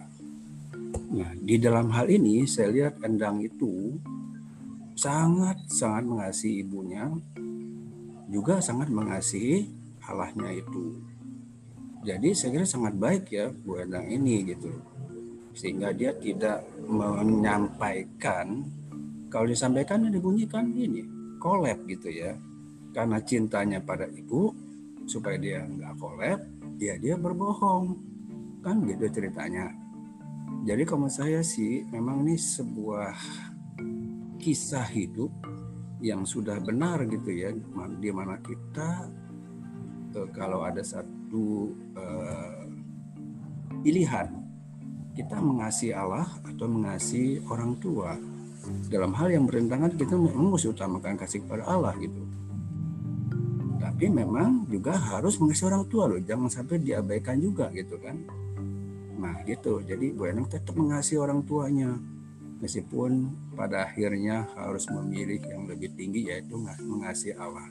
Makasih Pak Sen ya makasih makasih. Makasih Bu Yulin dan juga Pak Paulus ya. Jadi dari uh, uh, tanggapan Bu Yulin kalau saya tangkap uh, berdoa ya. Itu kalau kata Rasul Paulus ya roh itu berdoa dengan keluhan yang tidak terucapkan ya. Mungkin kita nggak bisa ngungkapin secara kata-kata ini gimana sih? gitu. Tapi percayalah kalau kita punya niat untuk mengungkapkan isi hati pada Tuhan Tuhan tuh kenal isi hatinya Bu Endang tuh kayak gimana waktu itu ya dan ya kita menyerahkanlah nanti kepada Tuhan begitu ya bagaimana Tuhan menilainya ya jadi saya dalam hal ini ya setujulah dengan Ibu Yulin dan juga dengan Pak Paulus. Nah, Paulus bagus nih. Saya pikir dengan Bu Endang nih sekarang ini menyadari merasa nggak enak gitu ya, udah membohongi orang tuanya ya. Itu adalah karena Bu Endang ini juga dapat hikmat Tuhan ya. Dan juga kasihnya tuh seimbang gitu. Makin dekat ke Tuhan, makin mengasihi manusia. Justru saya curiga ya kalau misalnya Bu Endang nih ikut Tuhan Yesus katakanlah terus ibunya tuh betul-betul ditinggalin sampai betul-betul wah pokoknya putus hubungan itu justru salah itu itu itu yang ditemui bukan Tuhan Yesus menurut saya itu ya tapi nah kata Pak Paulus tadi justru karena Bu Endang ini dalam bentuk kasihnya ya waktu itu adalah dengan nggak ngasih tahu yang ben yang sejujurnya uh, itu sikap ya kalau kita lihat secara objektif ya sikap yang adalah kasih sebenarnya dan saya percaya itu hikmat dari Roh Kudus begitu. Ini memang sulit sih ya kalau di, dihitung-hitung secara saklek nih salah pokoknya nggak boleh ngebohong titik gitu. Tapi kan di dalam perkara hidup nggak semua bisa begitu. Ya ada hal-hal yang kalau kita lihat itu motif kasih itu yang harus utama. Contoh saya kasih contoh ya cerita Injil. E, perempuan Sirofenisia itu ya Tuhan bilang kan nggak layak memberi roti pada anjing tahu ya ceritanya ya karena kalau dilihat itu itu dia bukan orang Israel gitu. Ya kayak kemarin juga tuh kita bahas Elia. Ibu janda di Sarafat tuh bukan orang Israel gitu. Tapi kalau kita lihat ya, kasih itu mengalahkan semua menembus batas jadi kalau dihitung-hitung ya eh, apa sikap Bu Endang nih yang sadar bahwa aduh nggak enak nih merasa bersalah dengan mama. Menurut saya itu adalah sikap yang baik ya. Itu menunjukkan secara langsung sikap hormat kepada Tuhan juga sebab Tuhan itu perintahkan kita mengasihi orang tua kita. Jadi kurang lebih gitu. Nah lalu gimana sekarang ini? Ya kalau saya pesan praktisnya gini Bu Endang jangan merasa minder Bu Endang jangan merasa kecil hati ingat eh, tetaplah berdoa ungkapkan ke Tuhan ya Tuhan saya ini merasa bersalah waktu saya datang ke Tuhan, kebaktian, punya kerinduan tapi bohongin mama. Tuhan tahu isi hati saya, saya mengasihi Tuhan dan mengasihi mama. Amin. Nah, kalau saya boleh kasih saran doanya begitu ya. Ungkapkan ke Tuhan dan biarlah Tuhan yang nilai ya. Walaupun kita ini kasih tanggapan gitu ya, tanggapan kita mungkin gak sempurna, tapi Tuhan yang paling tahu isi hati kita. Kurang lebih begitu Bu Endang. Ya, terima kasih Passion. Tapi uh, waktu Paskah kemarin uh, itu Ndang kayak ada bisikan dari Tuhan gitu kan, ini saatnya untuk kamu terbuka. Pada saat itu Ndang ber, um, mencoba uh, mengajak bicara anak-anak uh, dari almarhum pada saat itu. Uh, Ndang bicara sama anak yang paling kecil dulu. Di situ Ndang bilang, "Dek, mama sekarang udah jadi pengikut Tuhan Yesus." waktu itu mama dibaptis terus mama begini begini begini begini saya ceritain seperti itu dan dia akhirnya yang bilang gini mah uh, halukum waliyadin agamamu adalah agamamu agamaku adalah agamaku apa pun agama mama, mama tetap mama dede kata dia gitu kan. Dan dede juga tetap anak mama kata dia gitu kan. Terus saya bilang gini tapi rahasiain ke embu ya ke neneknya maksudnya. Karena bukan lagi sakit ini cukup dede aja cukup kita yang tahu. Terus kakaknya dia tanya kalau emas gimana? Nanti mas mama pasti mama kasih tahu. Nah pas waktu kita eh, dua minggu dua atau tiga minggu sebelum pemberkatan pernikahan itu uh, open uh, bukan open status maaf. Uh, open juga ke anak yang paling besar Mas. Mama akan nikah di gereja tapi Mama sekarang udah uh, udah nyebrang dalam arti Mama udah menjadi Tuhan, uh, pengikut Tuhan Yesus. Menurutmu gimana? Terus anak-anak yang besar itu bilang ini ya udah mah terserah kalau memang itu udah menjadi pilihan mama ya udah mau gimana lagi? Terus deh itu tapi kalian nanti hadir nggak hadir kok masuk nggak ke gereja masuk. Toh juga kalau kita masuk ke gereja kan kita nggak akan kebakar kata dia gitu kan. Terus ya udah tapi ya di situ lagi-lagi eh, permasalahan di, dimulai. Eh, bukan dimulai ya maksudnya di situ tentang diuji lagi. Eh, sepulangnya dari eh, pernikahan itu tentang nganterin anak-anak anak pulang. Ternyata kakak kakak udah punya feeling kalau Neng tuh Kristen karena kan waktu uh, Neng mau nikah Neng izin. Jujur nggak ada yang yang mengizinkan pada saat itu. Neng nggak dapat uh, restu dari dari uh, keluarga sampai mereka melaknat Neng gitu kan. Dan akhirnya uh, anak Neng lah yang ngomong mah jangan ke rumah dulu ya katanya. Kalau mama nanti ke rumah bisa berabe. Kalau mama perlu apa-apa ngomong aja nanti biar dede yang nganterin uh, keperluan mama di rumah kata dia gitu kan. Emang uh, ngomong apa wa? Aku bilang uh, nang bilang gitu. Iya wa bilang mak lo sekarang Kristen ya? katanya. Iya. Bilangin sama mak lo ya katanya. Dia udah nggak di aku di sini katanya gitu kan. Jangan berani-berani dia nginjak rumah ini lagi. Haram buat dia masuk rumah sini lagi kata dia gitu kan. Terus uh, saya tanya lagi dek menurut dede mama masih haram nggak jadi mama dede? Gitu kan. Enggak lah mah itu mah bisa-bisa dia aja katanya gitu kan. Dia terlalu fanatik sama Islam tapi dia nggak pernah mau mengakui agama lain. Itu dede nggak suka. Dan di situ aku yang jadi makin semangat walaupun uh, sedih sebenarnya. Ya ampun kok kakak gue bisa kayak begitu? Kok adik gue juga bisa kayak begitu? Gitu kan di, ketika uh, almarhum mama udah nggak ada kenapa uh, aku jadi kayak begini gitu kan. Tapi ya sudahlah aku tetap teguh di situ. Ya udah makasih ya sayang. Aku cuman cuman bisa ngomong gitu sama anak-anak. Terus uh, anak-anak bilang ya udahlah mang gak usah diambil pusing. Jadi di situ aku di sisi lain aku sedih di sisi lain aku dapat dukungan juga sih. Itu aja pak pendeta.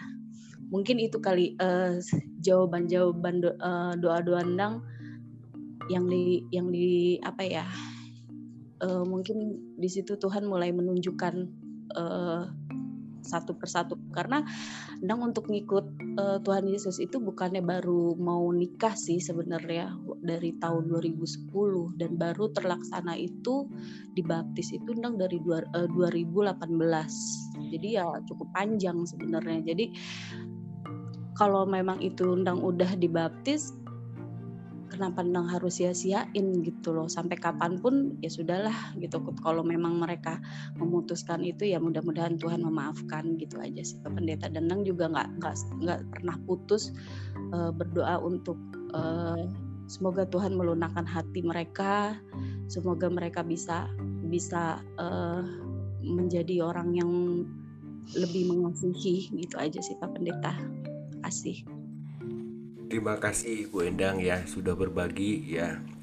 Dan saya juga ingin sharing gini. Jadi namanya kekerasan hati itu bukan hanya soal keyakinan ya.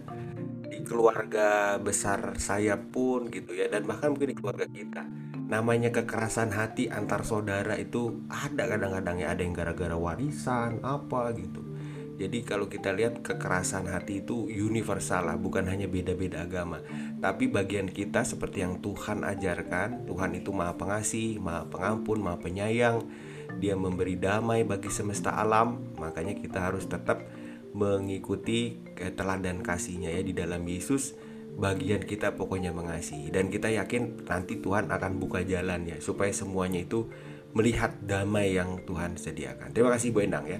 Baik, kita bisa ke pertanyaan berikut ya.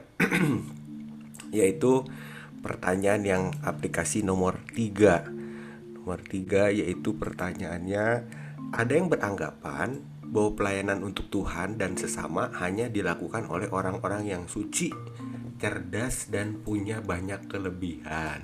Ya, itu ada anggapan begitu. Nah, setujukah Anda dan mengapa alasannya? Saya mau uh, bacakan dulu yang teman-teman kita di grup WA itu untuk pertanyaan aplikasi nomor 3 uh, eh, kita mulai dari Ibu Dince. Ibu Dince mengatakan tidak setuju. Pelayanan bisa dilakukan oleh siapa pun yang mau melayani dengan sungguh-sungguh. Seperti saya minta ampun atas dosa bangsanya yang najis bibir ya. Lalu uh, Ibu Yanti mengatakan uh, tidak setuju juga kalau melihat pelayanan murid-murid Tuhan Yesus justru dari orang yang sederhana ya para nelayan begitu. Tapi luar biasa pelayanannya kata Ibu eh, Yanti ini dan bukan berarti orang yang suci dan cerdas punya kelebihan saja ya. Tetapi uh, semuanya itu Tuhan kasih talenta. Nah ini besok nih khotbahnya itu ya. Oke Ibu Yanti mengatakan itu. Nah lalu aplikasi nomor tiga tidak setuju kata Bu Momoy karena menjadi murid Tuhan harus mau melayani baik untuk Tuhan dan sesama. Sehingga ungkapan syukur atas berkat anugerah Tuhan yang sudah kita terima. Nah, dasarnya itu kata Ibu Momoy, ungkapan syukur. Ya bukan uh, apa namanya perkara suci, oh, cerdas hebat enggak, tapi kita inilah yang dipercaya Tuhan diberikan oleh Tuhan anugerah kan makanya kan bukan kekuatan kita Tuhan yang kasih kekuatannya. Itu dia dasar pelayanan. Baik nah sekarang giliran kita nih yang di zoom ya. Setuju nggak kalau yang melayanan tuh yang suci cerdas ya dan hebat begitu? Silakan. Uh, yang belum ngomong siapa nih ya? Pak Pak Juni dulu Pak Juni deh Pak Juni. Di unmute dulu ya Pak. Ya silakan oh ya ya Pak. Ya ya Pak itu ya memang tidak selalu Pak ya tidak selalu hampir sama tidak setuju ya itu Pak ya. Gimana itu? Kenapa saya tidak selalu ya sebenarnya juga Allah menghendaki sesuatu yang terbaik ya dari kita. Ya seperti saya ini kalau kita belajar kan ya saya juga sudah dikuduskan dulu oleh Tuhan sebelum ya Tuhan memakai saya untuk menjadi seorang nabinya Pak. Jadi sebenarnya itu eh, Kenapa tadi saya bilang itu tidak selalu? Ya, tapi memang sih sebenarnya kalau bisa ya memang ya seharusnya begitu. Tetapi masalahnya itu yang punya kriteria seperti itu itu mereka banyak yang tidak mau ya ya banyak yang tidak mau melayani ya nah, sehingga mungkin yang dalam hal ini yang yang pasti yang perlu kita garis bawah itu yang mau melayani dalam arti yang kurang pun yang kurang pun asalkan dia ada kerinduan ya kerinduan dan menyadari bahwa Tuhan memakai dia pasti akan diperlengkapi oleh Allah ya pasti Allah memperlengkapi semua uh, anak-anaknya yang mau melayani dengan dia. Nah, seperti saya, pasti Allah memperlengkapi saya. Saya juga menyadari bahwa dirinya orang berdosa, tidak tidak pantas, uh, tidak tidak tidak mencapai standar dari Allah. Ya. Standar Allah, kekudusannya dari Allah untuk dipakai Allah. Tetapi Tuhan Allah memakai saya dan memperlengkapi saya. Dan kita juga begitu ya yang penting kita mau ya mau mau menerima dan mau menjalani uh, dan mau dipakai oleh Tuhan mengenai masalah persyaratan kesanggupan kehebatan sekarang pasti Tuhan akan memperlengkapi Pak itu aja menurut saya Pak terima kasih terima kasih Pak Joni. Nah ini Pak Joni betul-betul wise nih ya berimbang gitu. Ya memang kita nggak setuju ya eh, orang yang sederhana Tuhan pakai. Tapi Pak Joni ngingetin nih tetap kita juga yang terbaik juga. Jangan uh, apa uh, yang seadanya gitu. Cuman masalahnya kata Pak Joni nah yang hebat-hebat ini kadang nggak mau. Nah berarti solusinya adalah pertama sekali hatinya dulu disentuh. Makanya itu saya lihat di gambaran bara nyentuh bibir itu dalam banget sebenarnya. Bukan cuma tindakan bara ketemu bibir tapi di situ Tuhan itu menyentuh kelemahan kita yang kita akui. Kan ya saya bilangnya aku najis bibir gitu kan makanya bibirnya yang di, berarti hatinya dulu harus disentuh. Ketika hati disentuh lalu sadar wah iya Tuhan berbaik hati.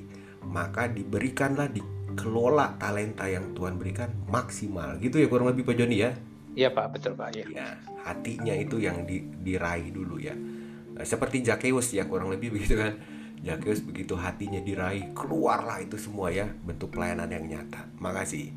Berikutnya yang perempuan nih kayaknya nih ya. Bu Yulin mau berbagi Bu Yulin? Silakan Bu Yulin.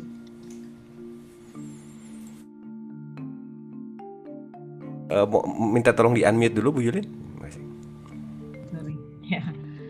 Uh, ya kalau kalau kita menuntut seperti itu memang sulit ya. Uh, harus cerdas, harus apalah gitu. Dan kalau memang ada, ya belum tentu juga bersedia. Memang memang harus uh, ikut campur tangan Tuhan juga ya. Uh, kalau memang uh, Tuhan menghendaki, yang yang minus pun bisa di, ditambahkan gitu. Jadi ya memang kalau kita sudah terpanggil ya kita harus memperlengkapi diri. Kalau eh, di satu sisi kita yang kurang ya kita harus eh, mengembangkan talenta kita. Kalau kalau memang kita sudah merasa eh, Tuhan mau pakai kita, ya itu memang kita harus berusaha untuk eh, mengembangkan talenta kita. Kalau ini ini ter, tergantung juga bidang pelayanannya ya, pelayanannya di di bidang di, di bidang apa gitu. Kalau uh, pelayanan untuk mengajar, uh, melayani untuk dalam hal mengajar itu memang diperlukan. Kita kita kan nggak mau kalau diajarin sama orang bodoh mau nggak nggak kan? ya jadi uh, tergantung juga uh, layanan kita itu di mana jangan sampai kalau uh, kita sudah terpanggil lalu merasa wah uh, Tuhan udah memilih saya lalu saya jadi uh, merasa oh aku ini pilihan Tuhan. Lalu merasa padahal dia eh, nggak nggak bukan di bidangnya gitu ya untuk misalnya untuk uh, mengajar ya cari bidang yang lain gitu.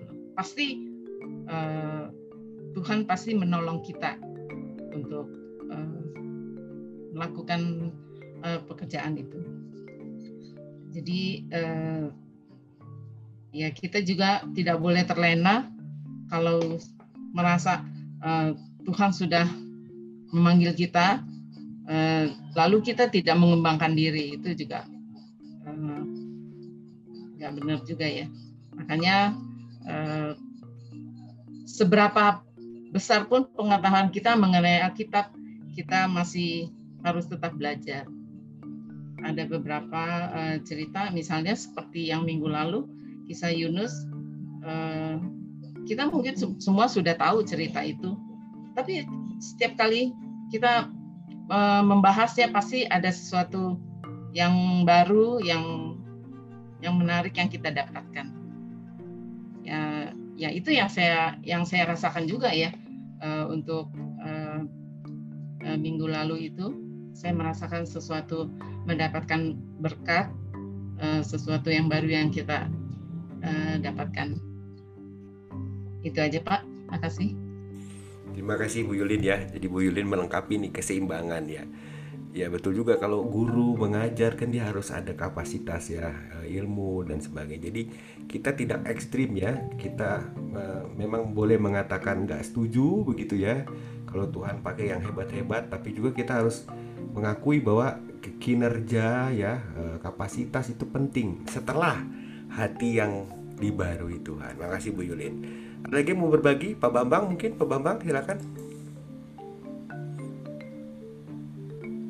Ya Pak, memang seperti yang tadi Ibu dan Pak Ibu Yulin dan Pak Yuni tadi sudah katakan, idealnya, idealnya memang ya yang suci, yang cerdas, yang punya banyak kelebihan. Tetapi sebetulnya kan banyak bidang yang bisa juga dikerjakan oleh orang-orang yang yang kualitasnya tidak setinggi itu gitu ya. Misalnya di dalam Alkitab aja misalnya Matius. Matius itu kan pemungut cukai, tapi ternyata dia juga melayani.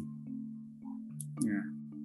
Kemudian di yang kalau yang berkualitas itu, yang yang cerdas itu, misalnya uh, diberi diberi porsi yang memikirkan hal-hal yang berat di kemajuan gereja, memikirkan tentang hal-hal yang tinggi.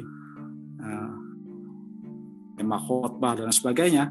Nah, kita yang seperti saya ini yang kurang beruntung yang kemampuannya di bawah rata-rata ya bisa juga melayani di bidang yang bisa dikerjakan. Masih banyak kan yang bisa dikerjakan. Dan yang penting kita tahu bahwa pelayanan itu kan nggak mesti harus harus uh, dikomando dari gereja. Kita di rumah juga bisa kok melayani. Melayani uh, misalnya dalam pengertian saya melayani, melayani itu dalam pengertian saya melakukan kehendak Tuhan dalam hidup saya.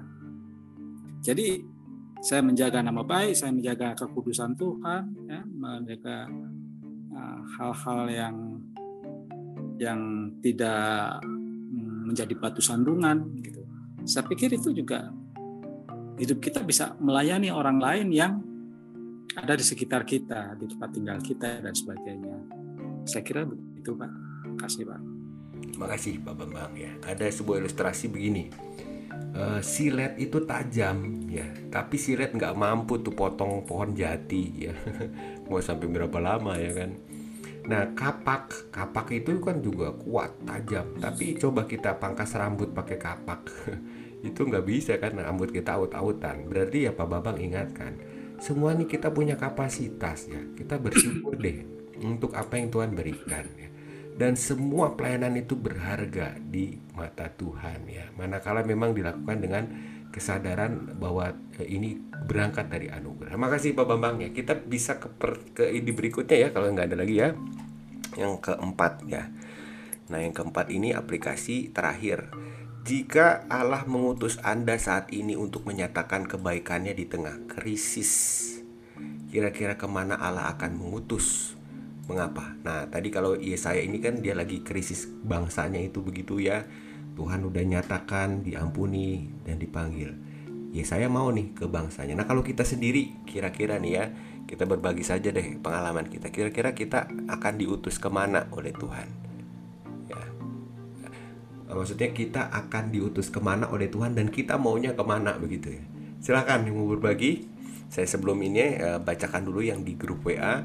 Ya Ibu Dince mengatakan ya eh, aplikasi nomor 5 ini uh, Tuhan akan mengutus kita menerima maaf nomor 4 walaupun banyak kendala. Mudah-mudahan covid cepat berlalu kita bisa kembali ibadah dan melayani sungguh-sungguh ya. Kalau Ibu Dinje katanya di gereja juga ya uh, Ibu Yanti mengatakan ke tengah-tengah orang yang mengalami pergumulan, kesulitan untuk makan sehari-hari, biaya pendidikan untuk anak sekolah, kuliah masih banyak lagi. Oleh karena COVID semua berdampak pada semua orang supaya menjadi berkat dan nama Tuhan dipermuliakan. Nah, itu ya. Ibu Yanti mengatakan, ya di tengah pandemi ini kita bisa tolong ya sebisa mungkin orang-orang yang lagi kesusahan karena wabah. Ibu Momoy, Allah menempatkan saya sebagai penatua, jadi bisa melayani umat Allah. Nah, udah jelas ya sebagai penatua. Oke, ya yang lain silakan. Kita mau berbagi singkat saja mungkin. Pak Bambang dulu mungkin Pak Bambang ya. Iya Pak. Jadi kalau menurut saya bukan jika Allah mengutus Anda, tetapi Allah sudah mengutus Anda saat ini untuk menyatakan kebaikannya di tengah krisis. Jadi kalau saya berpikir yang mendapat apa penghasilan harian, coba datang ke rumahnya, anaknya berapa? Anaknya empat, yang tiga remaja, gede-gede lagi doyan-doyannya makan. Bayangin aja, kalau tidak ada yang nyuruh, katakanlah dia penghasilannya 150 ribu. Ya dia dipakai buat di beras. Dan dalam seminggu itu hanya satu kali ada orang nyuruh. Karena covid kan orang takut. Kalau dulu mungkin ya disuruh ngechat disuruh ini dia masih bisa lah banyak kerjaan tapi kalau sekarang kondisinya begini ada orang masuk ke rumah kita aja kita buru-buru pakai masker kan misalnya gitu jadi eh, dalam kondisi seperti itu nah itulah saatnya kita menyatakan kebaikan Allah di tengah krisis ini. Bukan kebaikan kita loh, kebaikan Allah. Karena yang kita bisa berikan itu kan juga dari Allah, dari Tuhan. Walaupun katakanlah kita tidak berlebih, tidak apa namanya surplus banget gitu ya. Misalnya nah, walaupun ya saya lah terus terang aja ini. Kita katakan pensiunan saya itu kan di bawah UMR tapi kalau kita punya tekad untuk memberikan sedikit ya sebagian yang kita terima dari Tuhan dan mereka terima. Nah, itu masalahnya sekarang tinggal kita bisa mengatakan adanya bahwa itu adalah kebaikan Tuhan, bukan kebaikan saya. Gitu. Itu yang kadang-kadang suka lupa. Kemudian pola pikir kita juga harus harus mulai berubah. Kalau dulu, misalnya saya kalau pagi-pagi ngelihat tukang ngamen, pagi-pagi lo udah ngamen, gue pagi-pagi masih kerja dulu baru bisa dapat duit. Nah kalau sekarang ya mungkin tukang ngamen itu nggak ada kerjaan yang lagi ya cuma ngamen gitu.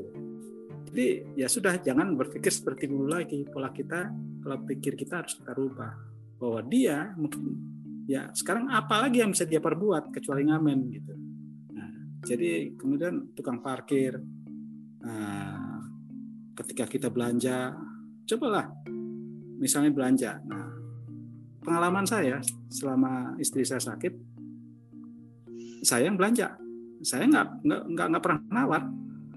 Saya bilang, ya paling dia ngambil kelebihan tuh seribu dua ribu lah. Udahlah biar. Salah-salah ngitung beli sepuluh cuma dikasih tujuh ya nggak apa-apa lah. Jangan terlalu dimermasalahkan gitu. Jadi dalam dalam menyatakan kebaikan Allah itu saatnya justru saat-saat di tengah krisis seperti ini. Demikian Pak. Terima kasih Pak.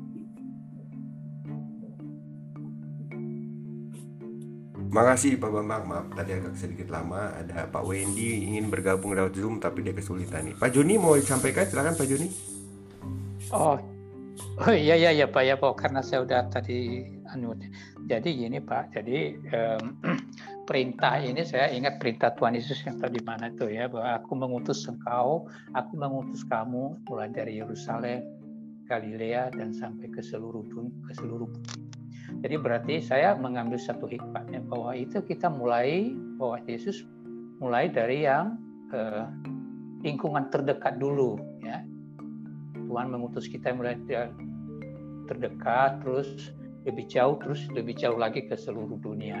Dalam arti eh, dalam pandemi ini ya bisa juga kita sebagai warga gereja ya kita juga memulai melihat saudara-saudara kita yang dekat dengan kita mungkin mereka punya ada kesulitan apa, mungkin ada kebutuhan apa yang kita bisa bantu. Ya, guru mungkin bisa nanti meluas ke tempat-tempat lain, ke pihak-pihak lain, ke tetangga, ke mana. Jadi tergantung kita mau start dari mana. Dan sebagai warga gereja, sebagai institusi gereja, ya bisa saja kita mulai dari gereja kita dulu. Mungkin jemaat kita ada yang membutuhkan, ya jangan dulu buru-buru dulu ke ke gereja lain dan sementara ada di gereja kita yang paling membutuhkan. Jadi mungkin seperti seperti itu kita mulai dari mana tergantung dari kita. Tapi kan kita terinspirasi kata Yesus, aku mengutus engkau mulai dari Yerusalem, Galilea dan ke. Tapi Yesus mulai mulai yang dari terdekat dulu. Jadi terdekat ya terus menjauh, melangkah lagi lebih jauh dan melangkah lagi lebih jauh. Ya mungkin itu mungkin saya itu yang saya mau bagi kalian. Jadi tergantung kita mulai dari mana start mana. Mulai yang terdekat dulu dan mungkin Eh, sebelum kita menjangkau luar uh, luar negeri atau yang jauh-jauh mungkin kita bisa melihat dulu yang dekat-dekat dulu mungkin itu aja apa yang mungkin yang saya mau bagikan terima kasih terima kasih Pak Juni ya betul ya mulai dari yang terdekat berarti juga bahkan dari diri sendiri juga ya Pak ya ada lagunya ya. tuh ya, ya. Dari diri sendiri sendiri kita ya kita diutus Tuhan untuk memperbaiki diri kita ya ada perubahan-perubahan yang nyata ya makasih ada lagi yang mau berbagi? Ibu Endang tadi saya lihat buka mic. Ibu Endang mau berbagi? Belum? Eh, Bu Yulin mau berbagi? Bu Yulin? Uh, ya, saya setuju dengan Pak Joni. Mungkin di situasi pandemi seperti ini, uh, kita juga sudah diingatkan sama pemerintah, ya, uh, kalau tidak penting-penting banget sebaiknya jangan keluar dulu. Enggak. Jangan dimancingin. Eh. Ya. Jadi yang yang dekat-dekat dulu lah. Dan kalau kalau kalaupun kita mau melayani ya, saya sarankan kita tuh uh, uh, kalau kita mau memberi bantuan eh, jangan sampai kita salah sasaran. Eh, kita lihatlah mereka yang benar-benar membutuhkan. Eh, ini maaf aja ya kalau saya lihat eh, bantuan bantuan kemanusiaan kita disalurkan kok ke eh, pegawai Transjakarta ya Padahal kalau eh, pegawai itu kan sudah mendapatkan gaji, dia memiliki penghasilan. Jadi eh, saya lebih setuju kalau kita salurkannya tuh ke mereka yang benar-benar membutuhkan membutuhkan untuk makan sehari-hari aja susah gitu loh yang tidak memiliki penghasilan kan itu itu uh, saya rasa lebih lebih tepat sasarannya. Hmm. Ya itu aja sa untuk untuk saat ini untuk saat ini sih saya memang uh, yang dekat-dekat dulu uh, saya mohon juga dukungan doanya. Saya ingin ingin sekali terbeban uh, punya kerinduan untuk mengajak cici saya yang belum ke gereja. Ini ada satunya yang dekat saya. Susah banget gitu ngajaknya soalnya dia tuh uh, masih uh, terikat sama uh, iparnya yang yang memang bukan uh, dari keluarga suaminya yang bukan dari keluarga Kristen ya uh, ya itulah saya saya selalu uh, berdoa supaya saya bisa memenangkan jiwanya gitu. Ya itu aja kerinduan saya Pak. Ya, makasih. Terima kasih Ibu Yulin ya. Jadi Ibu Yulin tadi kasih juga masukan ya bagaimana kita bisa memberikan pertolongan baik sebagai gereja Tuhan terlebih lagi juga sebagai pengikut Tuhan ya terhadap orang-orang terdekat. Baik, itu dia PA kita malam ini Bu Bapak pertanyaannya sudah habis. Saya senang semua bisa berbagi, saling melengkapi. Intinya kita belajar kembali dari Nabi Yesaya. Kita ini terbatas, kita lemah, kita penuh dosa, tapi Tuhan sayang ya. Tuhan ampuni, bahkan Tuhan perlengkapi kita dan Tuhan panggil kita, Tuhan utus kita untuk melanjutkan kebaikannya. Tadi kita sudah berbagi ya, mulai dari diri kita sendiri, kita perbaiki dengan pertolongan Tuhan, lalu orang-orang sekitar kita dan kata Pak Bambang nih, tadi saya masih ingat, itu ingat ya, itu kekuatannya dari Tuhan gitu ya. Jadi kita tetap rendah hati, kita jadi rekan kerjanya Tuhan, berbagi kebaikannya. Ya, baik. Jika tidak ada maka kita bisa akhiri ya Ibu Bapak. Ini sekarang udah pukul 9. Kita bisa berdoa ya. Mari kita sama-sama kita berdoa. Bapak di dalam kasih Kristus, kami bersyukur kalau pada malam ini kami boleh saling belajar, saling mendengar, saling berbagi satu dengan yang lain. Kami dikuatkan oleh kasih Tuhan yang mengubahkan hidup yang Tuhan nyatakan melalui Nabi Yesaya di tengah krisis bangsanya, dia mau menjawab panggilan Tuhan setelah Tuhan memberikan kesempatan yang baru, hidup yang diampuni. Kami pun percaya Tuhan berikan kepada kami semua kemampuan, talenta yang unik sesuai dengan kapasitas yang Tuhan percayakan. Dan biarlah dengan kekuatan kuasa kasih Tuhan, kami boleh menyatakan apa yang baik dari Tuhan mulai dari eh, lingkungan terdekat, keluarga, bahkan di mana pun Tuhan tempatkan kami. Kami juga tentu bersatu hati mendoakan saudara kami, eh, Bu Endang, bahkan juga eh, di dalam pergumulannya kami percaya Tuhan sudah pelan-pelan membuka jalan. Tuhan kuatkan selalu Bu Endang beserta Pak Sahat untuk untuk boleh menyatakan kasih Tuhan di dalam kehidupan keluarganya kami juga percaya Tuhan terus perlengkapi keluarga ini dengan segala yang baik. Juga untuk keluarga Pak Joni, keluarga Pak Bambang, keluarga Ibu Maya, Pak Paulus, Ibu Yulin, kerinduannya. Kami semua memiliki kerinduan.